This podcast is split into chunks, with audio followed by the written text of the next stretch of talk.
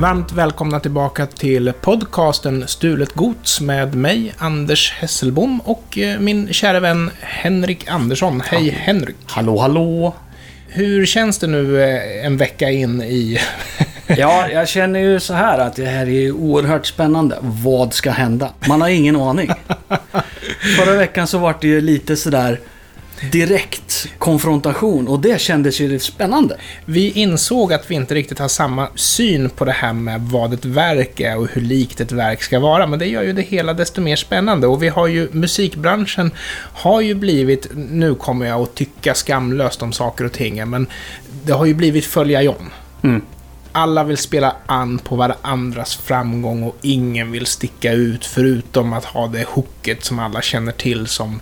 Men vi... Jag vet inte ens om du behöver ha ett hook längre. Jag vet inte Nej. om du har lyssnat på Diggy-listan på sistone. Nej, jag har inte gjort det, men jag vet att melodi är någonting som betraktas som omodernt och Det gammalmodigt. behövs inte. Melodier behövs inte. Det ska vara ett skönt sound, det ska vara igenkännliga riff, men melodier är inte på modet Man alltså. får gärna sjunga melodier, men musiken som ligger, som ligger till stöd för sången, Mm. den är ju mer som en kompakt massa bara, som Ja. ligger bak och ska harmonisera eventuellt. Men vi flyger ju fram och tillbaka genom historien och konceptet som vi har bestämt oss för att eh, göra, eller som jag har bestämt att jag ska utsätta Henrik för, det är att jag spelar oavsett om den påstådda stulna låten är mer känd än originalet eller inte. Så det första lilla klippet av en låt jag spelar upp, det är en påstådd låtstöld. Och ibland kan det vara så att den är jättekänd. Man kanske inte ens vet om att den är en påstådd låtstöld, men ibland så är originalet jättekänt och någon har försökt att spela an på det där. Och jag tänkte att vi ska flyga tillbaks till år 1989 när bandet Transition Vamp släppte låten Baby I Don't Care och den låter så här.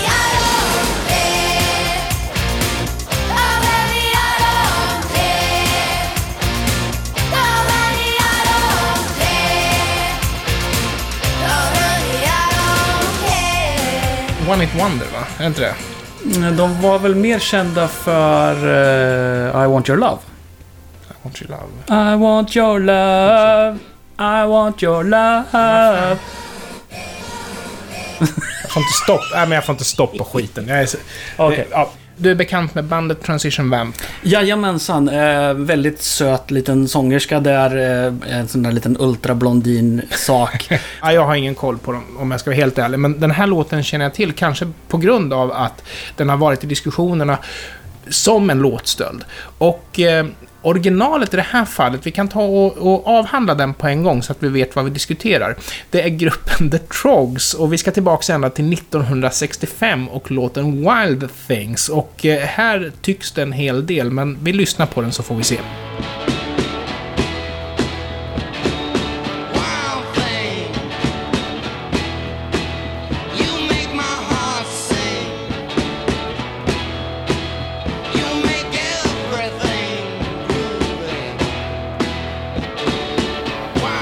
Grejen är att det här är skit. De är så dåliga alltså. Vad är The Trogs? Vad betyder trog? Vad är en trog för något? Ja, vad är en The, trogg? tr- the Men, Trogs. men de är troggare. De är troggare. Ja. Ja. Nej men nu kanske jag... Jag vet inte om jag sparkar in öppna dörrar eller om jag tassar på förbjuden mark här, men The Trogs är inte skitbra. Just den där låten har väl det här som man ofta kommer in på när man pratar om popmusik, att det är någonting som fastnar när Ja. man lyssnar på det. Det behöver inte nödvändigtvis vara bra. Det påminner mig om när vi diskuterade Eiffel 65 i förra avsnittet. Mm. Det var en lite mer avancerad melodisnutt, men det var ju definitivt ett hook som var själva grejen. Ja, och den var ju Ja. den var lite mer av en eh, gimmick. Ja. Det här skulle jag väl kanske inte kalla en gimmick, men det är en, en väldigt tydlig hook. Och det är de klassiska ackorden som man har i treackordsmusik. Dum, dum, dum, dum, dum. Så här kommer ju kanske snarare bli en fråga om verksstatus, för jag hoppas att vi inte är speciellt oöverens om att Transition Vamp har snott från The Trogs. Här. Det är en definitiv stöld. Det är jättetydligt. Men det är så enkelt. Så frågan är om det inte... Och, och låten i övrigt, är ju, det är ju två olika låtar. Det är just det här riffet. Men å andra sidan så har ju... Alltså Trogs hängde ju upp sin Wild Thing på det här riffet. Det var ju det som var vädjan Det- till publiken. Känn igen det här. Eh, Wild Thing är riffet.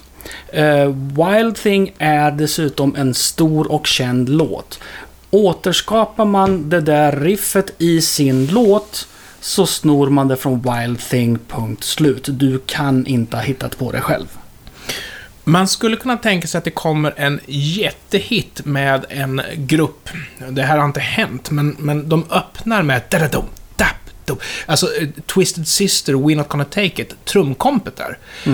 Folk som hör det kommer ju tänka på Twisted Sister. Men inte 17 kan man säga att Twisted Sister har skrivit det, för även om Twisted Sister kanske var först, eller kanske till och med de enda som har gjort det, så är det ju inte en komposition.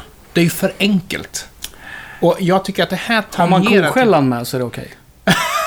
Då är det en stöld. Just det. Ja, just det. Koskällan spelar faktiskt en viktig roll Är där. koskällan med, då har du tagit av Twisted Sister. Jag vill säga, jag vill ställa en fråga här. Mm. Louie Louie. Eh, är det Via con Dios? Nej. Louie Louie. Oh, da, da, da, da, da, da. Nej, det känner inte jag igen. Ja. Da, da, da, da. Slå upp Louie Louie eh, någonstans. Jag har den på telefonen. För att där tror jag nämligen att det är samma gitarr. Ja, men det sak. här ska bli jättespännande. Henrik tar nu fram sin mobiltelefon. Henrik tar nu fram sin mobiltelefon. Så det här hi-fi-ljudet ni kommer att få höra nu, det går in genom micken och ut ifrån hans högtalare i telefonen. En fin telefon du har förresten. Det är en Samsung S9. Vi, vi är inte sponsrade, ska jag säga. You make my heart sing. You make everything. Jaha. Ja, den här låten har jag visst hört. Den här Ja, låten men- har jag visst hört. Mm. Men jag tycker att det här gör min poäng. Jag tycker att det här gör min poäng. Den har inte verkstatus, för det är för... Hur igenkänn, lätt igenkännligt det än är, så är det svårt att säga att den har verkstatus. Du vill inte ge det till The Trogs heller alltså? Jo, jag säger, jag säger guilty, men jag, jag kan inte se att det skulle vara några juridiska problem, utan jag ser snarare att Transition Vamp flörtar med The Trogs, eller möjligtvis The Kingsmen. Jag vill ju också säga att Transvision Vamp har ju riffet som en grund i sin komposition. Det är inte som att hela låten ligger på det Nej. riffet. Utan att man bara har det som en, eh, en bas eller Ja. en, en beståndsdel av sin... Ja, nej, jag, jag är nästan beredd att ändra mig, för, för jag tycker att jag måste stå för det jag säger, att det har inte verkstatus. Att man behöver ha de här tre ackorden i den följden är så självklart när man skriver rock. Att ingen kan vara kompositör till det. Hmm. Jag, jag, jag är beredd att, s- att fri... Jag röstar för att frikänna Transition Vamp från att ha stulit eh, riffet från Wild Thing, trots att det låter väldigt likadant. Godkänt, godkänt med anmärkning. Go- Godkänt med anmärkning, ja. eh, domare Henrik? Ja, jag, jag håller med. Eh, Jag accepterar deras eh, användande av det här riffet eh, utan att behöva peka finger. Vi fortsätter på samma tema då. Vi ska in i gränslandets tassemarker och jag skulle vilja rikta fokus emot eh, gruppen Divine och låten Love Reaction från 1983 och den låter så här.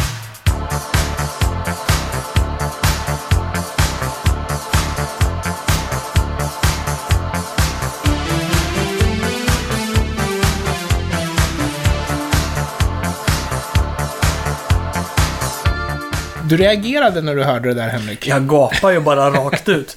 Därför att eh, det här är ju en påminner- mindre känd låt än, eh, än den vi ska lyssna på härnäst.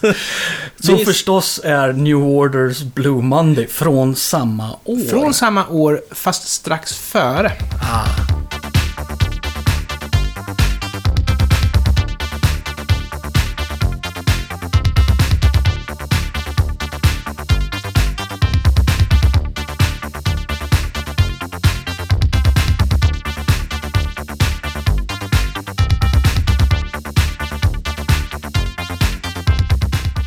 vill ju jag till eh, eh, Divines försvar säga att låtarna går isär.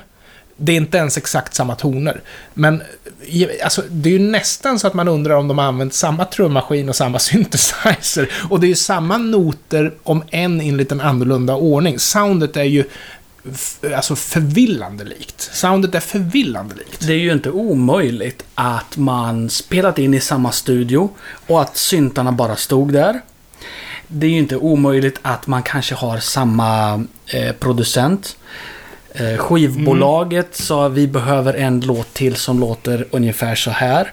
Ja. Det kan ha varit vad som helst som ledde till det där. Men sen har du ju det faktum att basen, jag gissar att det är en Moog. Mm. Eh, och sen har du då den här kören som om jag inte har helt fel är en, eh, en Fairlight. Ja, det, det kan vara så. Jag, jag skulle... Vilket innebär att det här är ju egentligen standardljud Ja. som vem som helst kan. Eh, det här var inte grejer som man hade hemma.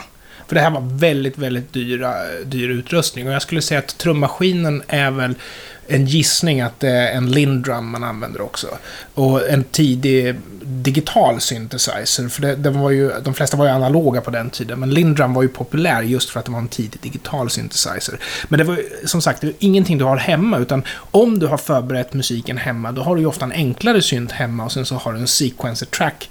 Det, det vill säga en digital notationsspår som du tar med dig till studion. Och sen så gör du inspelningen där. ja, alternativt så går du helt enkelt in till studion och återskapar hela låten från början med den eh, hårdvara som finns där. De syntar som finns där. Och så kanske helt enkelt bara någon lämnade kvar sin svindyra stora klump Ja. synt för att den var för jobbig att flytta på och då tänkte de att den här kan vi också spela på. Ja, antingen... Det fanns ju studios som ägde dyra syntar och sen så fanns det ju företag, precis som när du gör film så hyr du en kamera. Så finns det ju företag som du hyr en synt om du ska göra en skivinspelning. Och står de där ändå där så ofta var det ju så att kända band spelade in kontorstid. Och mindre kända band lånade den här utrustningen eftersom man körde ju inte hem den på natten och tillbaks den på morgonen utan den stod ju där. De körde på nätterna Mm. när det kostade mindre och de kanske kunde få råd att spela in överhuvudtaget. Ja. Men det vi kan säga det är ju att eh, Blue Monday dam, dam, dam, dam, dam, dam, dam, dam, dam, dam, dam.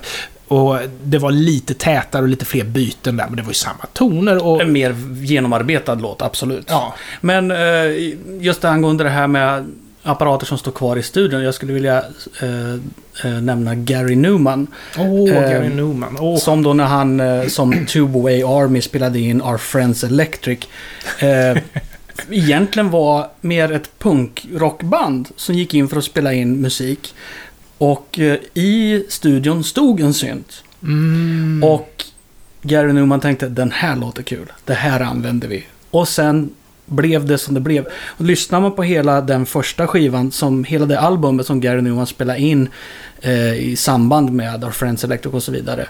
Så låter så har du den här synten som Mm. används i Cars och Mm. i Our Friends Electric. Det, går igenom hela albumet. Han, tänk, han älskar den synten så mycket att han bara återanvänder den i alla låtar. Jag tycker det är intressant att du tar upp det, för Gary Newman har ju å ena sidan varit en pionjär inom synt, men alltså lite grann halkat in på ett ba- bananskal alltså. Ja, Och dessutom det andra är ju att musikstilen som Gary, Gary Newman gör är inte typisk synt. Den är synt-ish, liksom.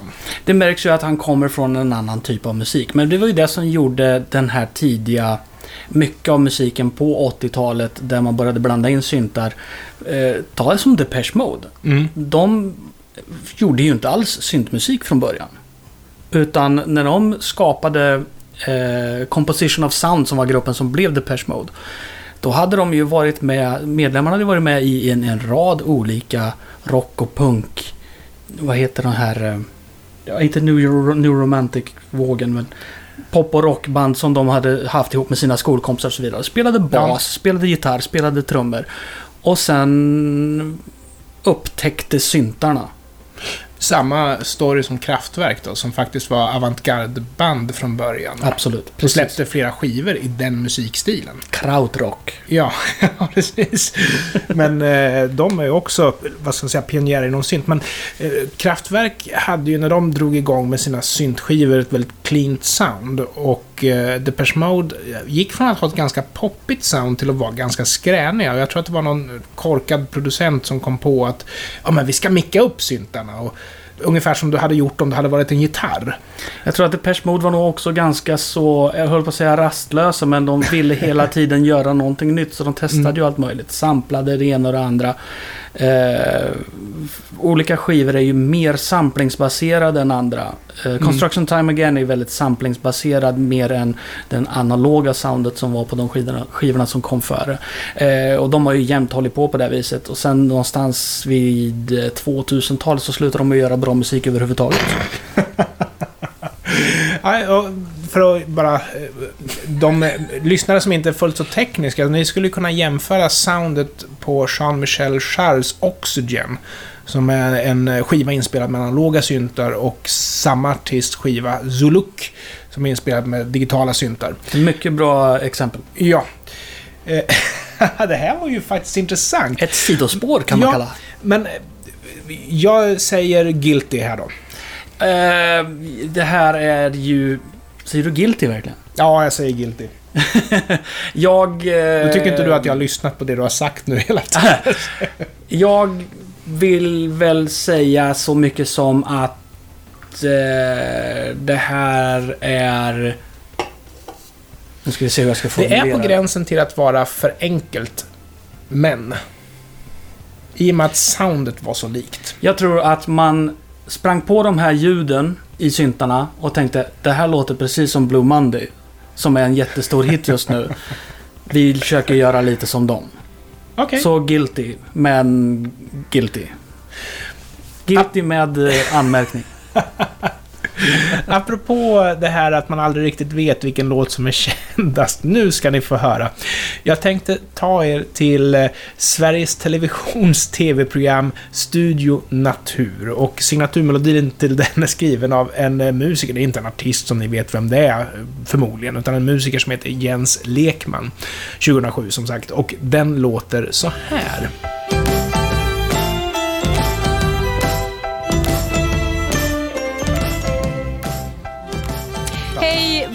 Välkomna ska ni vara till Studio Natur. Kul att ha er här igen, vänsnuttan Marie. Tackar detsamma.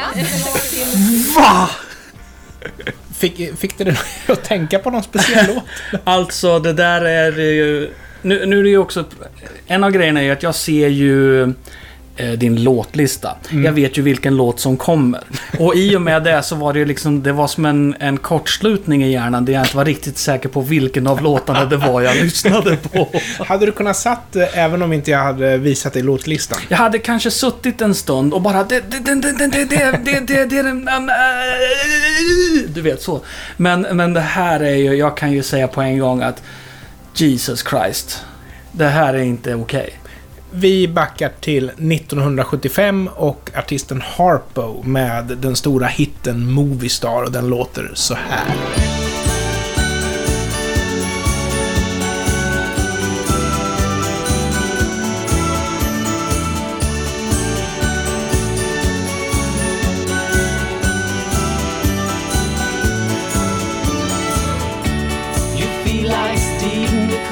Jag vet inte vem som producerar Moviestar men jag kan ju tänka mig att det låter ju lite som um, Tretov.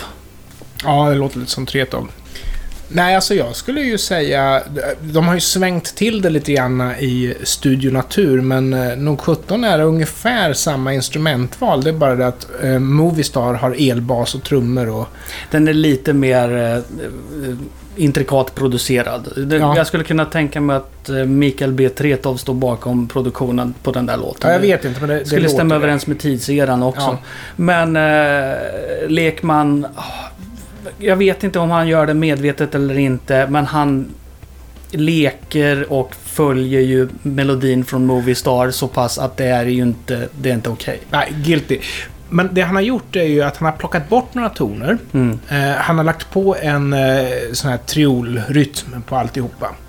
Men det är väl violin och, eh, vad heter det, den här lilla pling-plong-instrumentet? Triangel. Nej, det är nog inte triangel, det är nog... Xylofon. Xylofon, eller någonting sånt där som man spelar på. Och det, det är det ju i båda låtarna. Mm. Xylofon och stråkar som kör leaden. Ja, som sagt var han... Lekman leker lite med melodin från Movie Star. och Han, han hoppsar och dansar lite grann på den. Ja. Men, men han följer den ju så eh, väldigt tydligt. att- Både på noter och på sound. Ja, det är det som... De ligger i samma... Nästan samma tonart. Nästan samma... eh, Tonarten i samma... Ljudet... Jag försöker säga att själva ljudet är i samma klang. Liksom, Mm. i, det, det är en stråke och sen han har en pling. Så att det är ju liksom där uppe båda två. Du förstår vad jag menar. Förstår du vad jag menar? Jag tror att vi kommer få se mycket av Henrik Andersson imiterar instrument när poddens gång. Det är två, två avsnitt bakom oss och 18 framför oss. Och det finns många instrument som Henrik skulle kunna beskriva. Jag visar med händerna också, ser ni? Ja, jag undrar om det blev något efterspel eh, från det här. För det borde det nästan ha blivit, men ja, det kanske är för kort. Det är ju då en signatur till ett tv-program. Finns det verkligen någonting att göra? Nej, nej. Jag tyckte det var fräckt gjort. Sen kan man ju säga så här också. Studio Natur är ju inget jag någonsin har hört talas om. Jag tror att det var eftermiddags-TV faktiskt. Så det, det är kanske inte så att den, de vände sig till de mest liksom hippa... Men det låter lite motsägelsefullt. Studio Natur. Eh, Är de inomhus eller utomhus? de sitter nog i en studio och pratar om naturen. Så Där ute finns den, Ja, säger de och så sitter de och pekar. En gång så var jag ute i en skog. Och den går under natur. Mm. Den hade natur. Ja, nej. Men jag tycker att det här var ett roligt exempel på vad, som, vad man kan hitta om man börjar skrapa lite grann på ytan. Och eh, i och med att vi ska typ hantera tre låtar per avsnitt så kan ni ju ge er på att det finns ganska mycket att ta utav. Vi kommer säkerligen att eh, gräva ganska så djupt. Ja men då så, stort tack för att ni lyssnade och eh, som sagt tipsa era vänner om att vi finns på iTunes och Spotify. Eh, Vi finns där poddar finns, ska jag säga. Absolut. Och vi hörs nästa söndag igen. Ja, hej hej! Hej då!